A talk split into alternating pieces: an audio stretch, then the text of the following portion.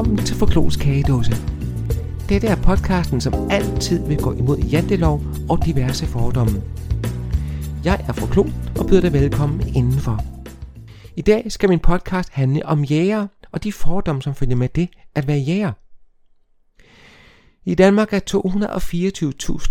224.903 det, man kalder for jagttegn berettet ifølge seneste tal fra Miljøministeriet. Ud fra disse tal gemmer sig 19.931 kvinder og 204.972 mænd, som nyder at gå på jagt. Mere end 177.130 personer indløste jagttegn i sæson 2019-2020. Fælles for alle, der dyrker jagt som interesse, er, at det handler om at være i samhørighed med naturen og bidrage til naturpleje. Vidste du, at der årligt nedlægger ca. 1,8 millioner stykker vildt i Danmark? Tallet er fra 2019. Der er i dag jagttid på 50 jagtbare vildarter i Danmark. Jagt må kun finde sted i tiden mellem solopgang og solnedgang. En og gæst må dog jages i tiden fra halvanden time før solopgang og halvanden time efter solnedgang. Jagt må kun udøves af personer med jagttegn. Jægerne bidrager via jagttegnsudgiften årligt med over 85 millioner kroner til blandt andet vildforskning. At være jæger betyder, at du skal lægge ryg til masser af misforståelser og fordomme. Her blot lidt af de mange fordomme. Jæger er onde ved hunde. Jæger elsker at dræbe. Jagt er noget, der hører middelalderen til. Jæger opdrætter under dække af naturpleje hvert år millionvis af skydedyr, der kun skal bruges til løstmor. Det er vist på høje tid, vi henvender os til en, der ved, hvad det drejer sig om. Her er det Ove Dam Hedegaard, som er projektleder af Danmarks Jægerforbund og selv jæger. Jeg har spurgt, hvordan og hvornår interessen startede for jagt. Den startede allerede tilbage, da jeg var barn, tror jeg, fordi at jeg har altid fundet naturen spændende. Men, øh, men sådan rigtig, tror jeg, i 2003, der var jeg med en, øh, en god ven ude øh, på en skydebane og skyde for første gang med en havlbøs. Og, øh, og det tændte et eller andet i mig, det her med det der øh, med, med at ramme lærduerne, og der var sådan en god, god atmosfære, en god, øh, godt kammeratskab øh, ude på, på det her center, hvor man skød. Og det ville jeg også være en del af, og så tænkte jeg egentlig, at, at øh, ja, man kunne jo prøve at undersøge, hvordan kommer man ind i gang med at blive jæger og så videre. Så tog det form. 2004 fik jeg så mit jagttegn, og øh, ja, så er det jo gået ret stærkt siden. Så, så det var egentlig en, en, øh, en kammerats interesse for jagten, der vagte min interesse for jagt. En god ven var altså skyld i, at jeg kom ind under huden. Da jeg som person er ret nysgerrig, vil jeg da meget gerne vide, hvad der gør, at jagt er så speciel for dig, Ove. Det, der gør jagten helt speciel for mig, er stadigvæk naturen. Jeg elsker at være en del af naturen. For mig handler det øh, rigtig, rigtig meget om alt det, der er omkring øh, at være i naturen, øh, være sammen med, med mine venner og mine, mine to drenge, som også har jagttegn i naturen. Og, øh, og så er der det her moment i at være, at være en, en forvalter for, for vores vildt, altså hjælpe vildtet egentlig øh, med at få de betingelser, der skal til for os at være der. Hvis ikke vi gør det, så, så er der jo ikke noget at, at skyde, og, og, og når vi ikke kan skyde noget, så er der heller ikke noget at spise. Og jeg kan rigtig, rigtig godt lide øh, maden, øh, vi kan lave af det vildt, der bliver nedlagt. Så der er mange ting i det for mig. Altså selve drabet, når jeg går på jagt, det fylder jo ingenting. Øh, selve udførelsen af jagten fylder selvfølgelig noget, men set i forhold til det, den tid jeg bruger derude på at bare sidde, øh, det er jo sådan et rekreativt, øh, hvad skal man sige, rum at være i, øh, ja, så fylder det faktisk ikke ret meget. Øh, og så er der jo forberedelserne. Der er masser af forberedelser, hvis, hvis man vil have noget godt jagt. Så der, der, der er vanvittigt mange ting. Altså har man en gang oplevet at sidde øh, sådan en, en, en morgen på bukkejagt i maj, og, og man er heldig med vejret, så er det svært ikke at blive bidt af det i hvert fald. Og så er der jo min hunde. Jeg arbejder med hunde, når jeg er på jagt. Øhm, og, og det, det der samarbejde, der er mellem, mellem jæger og hund, det er jeg fuldstændig bidt af. Det er, øh, det er meget, meget specielt, øh, når det alting det lykkes. Øh, man skyder en fugl, og hunden henter den, og al den træning, man har gået, øh, og, ja, og, og lagt i hunden, øh, alle de timer, det hele, lige pludselig, så lykkedes det. Og, øh, og det, det giver en helt, helt speciel følelse. At høre og fornemme den passion, som Ove har for vores natur og gå op i vildtet, er svært ikke at lade sig begejstre af. Men som tidligere nævnt er der en hel del misforståelser, og jeg har spurgt, hvilken type misforståelser Ove har mødt. Hør her svaret. Der er mange øh, årsager til, til misforståelser omkring jagt og jæger.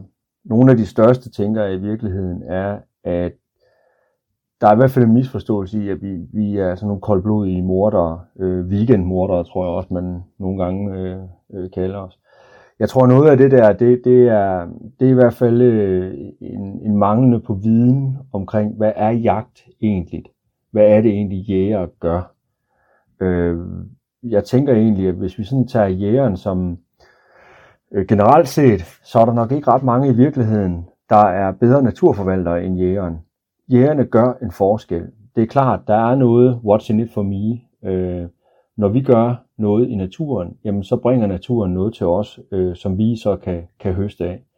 Så der, det, det, er jo ikke, det er jo ikke bare sådan for vores blå øjens skyld, hvis man er blåret i øvrigt, men det handler i virkeligheden også om, at øh, hvis du for eksempel har en art, der er truet, så er min holdning faktisk, at hvis man så derefter fjerner jagten på den, jamen så er det ikke sikkert, at den nødvendigvis får bedre vilkår. Fordi jægerne er sådan set med til at lave bedre vilkår, hvis den må blive jaget. Og vi kan godt i mange Øh, altså mange gange kan vi godt styre i, i øh, det her øh, jagttryk, som vi kalder det, altså hvor mange dyr må vi skyde øh, på vores jagter. Det kan vi fint styre, det har vi gjort i mange, mange år. Og jeg tænker ikke, at, øh, at øh, der, der, jeg tænker faktisk måske, at det er, det er uvidenhed, der er med til de største misforståelser omkring jagten og, og jægerne. Det er jo ganske tankevækkende, at vi ikke sætter pris på naturplejen, som jæger også udfører, men mere har en tendens til at kalde dem for lystmorder. Viden skaber forståelse. Jantelov er en stor del af det at være dansk, og fordomme trives i bedste velgående. Og Ove, hvilken fordom har du måttet lægge ryg til? De fordomme, som jeg møder som jæger, det er typisk, øh, nu er jeg jo hundemand, så øh, det, det er typisk noget med, at jeg tæver min hunde til, at de skal arbejde for mig. Og det passer ikke. Øh, vi, mange jæger i dag, rigtig mange jæger i dag, også den måde, vi uddanner vores, øh, vores hundefører på, altså jagthundeførerne, det er via positiv træning. Altså øh, masser af kærlighed, godt hundførerforhold, øh, så man kan lide hinanden. Det er positiv træning på den måde, at man roser hunden. Masser af godbidder for, at når den har den rigtige adfærd, så roser vi. Og når den gør det, den ikke skal, jamen så opnår den ikke noget. Øh, det får den ikke noget ud af, og det, det øh, mindsker faktisk øh, dens øh, lyst til at gøre det. Så, så, vi, så der er mange, og så er der de typiske fordomme omkring, at, øh, at øh, vi, øh, vi bare skyder dyr, øh, og vi kan lide dyr. Øh, jeg elsker dyr. Øh, jeg tror faktisk ikke, at øh, jeg kender nogen jæger i min omgangskreds, som ikke holder ufattelig mange, meget af de der dyr, som vi møder ude i naturen. Øh, og så er der jo selvfølgelig også nogle, nogle fordomme omkring, at det er, det er sådan en rimandssport. Øh, det behøver det absolut heller ikke at være. Øh, og der er mange, øh, mange forskellige fordomme øh, omkring jægerne. Og, øh, og jeg tænker egentlig også her, ligesom det i forhold til misforståelser, så handler det om uvidenhed. Altså, man ved i virkeligheden, mange ved i virkeligheden ikke ret meget om det. Øh, om det om jagt og jæger. Der bliver også gjort et stort stykke arbejde for at oplyse øh, bedre om det, og det, det, er jo, det er jo noget af vejen, vi skal øh, for at, at nedlægge de her myter og, og fordomme. Men der, der er nok et stykke vej nu. Der er altså intet ondskab i det at være jæger, og din indkomst afgør ikke, om du har mulighed for at dyrke interessen. Som med alt andet skal vi jo helst kunne acceptere alles interesser. Og her til slut har jeg spurgt Ove, hvordan vi kommer både fordomme og stigmatisering til livs. Hør hans gode råd her. Hvis vi skal alle fordomme og, og stigmaer til livs vedrørende jægerne, så øhm, jeg vil faktisk sige, at det kommer vi nok aldrig. Men, øh, men noget af det, som vi arbejder meget med, og det tror jeg alle jæger, det er at blive bedre til det håndværk, vi har. Vi er ikke ret mange. Vi er vel omkring 4-5 procent, der dyrker jagt.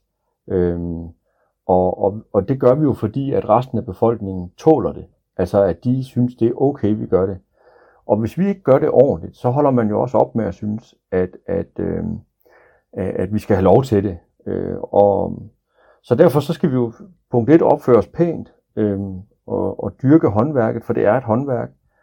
Øh, så handler det også om at, at vise, hvem vi er. Det gør vi jo på mange måder. Vi er ude i skoler og fortæller om, øh, om jagt og jæger og naturen, og, og vi, og vi, vi tager også ud på markedet og messer og alt muligt for at, at komme i kontakt. Og så er der jo en masse oplysningsarbejde selvfølgelig, som, som, et, altså som Danmarks Sjæreforbund øh, øh, selvfølgelig gør. Øh, og det er jo alt lige fra, at øh, det lyser igennem alle uddannelserne, øh, at, at vi skal vi skal klæde vores jæger på til også at vide, øh, hvordan man ligesom får talt til de her øh, øh, personer, der har fordomme øh, og, og stigmatiserer øh, jægerne og jagten.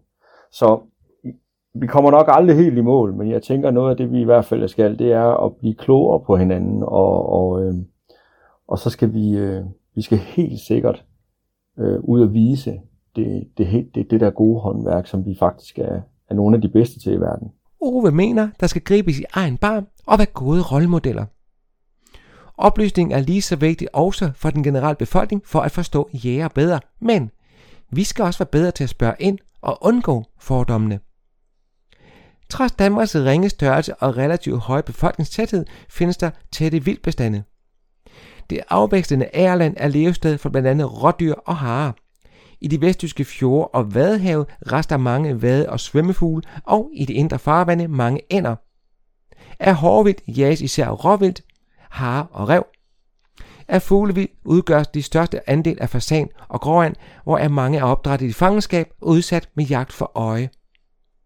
Også andre svømmeænder samt dykænder og vade- og kravfugle jages hyppigt i Danmark.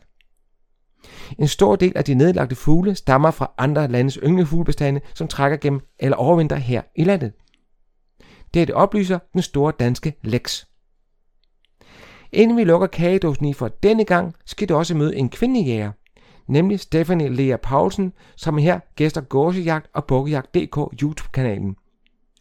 Her har du hendes ord på det at være jæger. Der er mange mennesker, der tror, at vi jæger bare er blodtørstige psykopater, der elsker at dø, dyr synes, det er fedt at tage et liv. Og det er langt fra sandheden.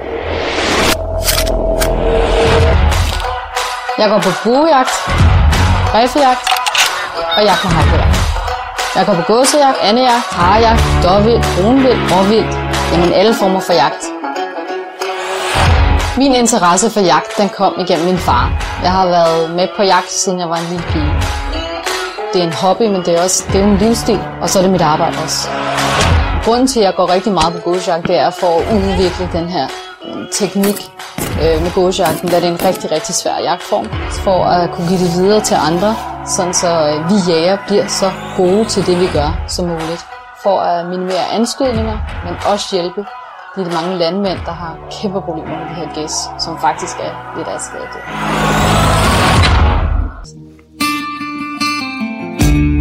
Nogle kan måske blive lidt farvet over, at man går på jagt for sjov, og man står ihjel for sjov, og det er en del af en hobby at slå dyr ihjel.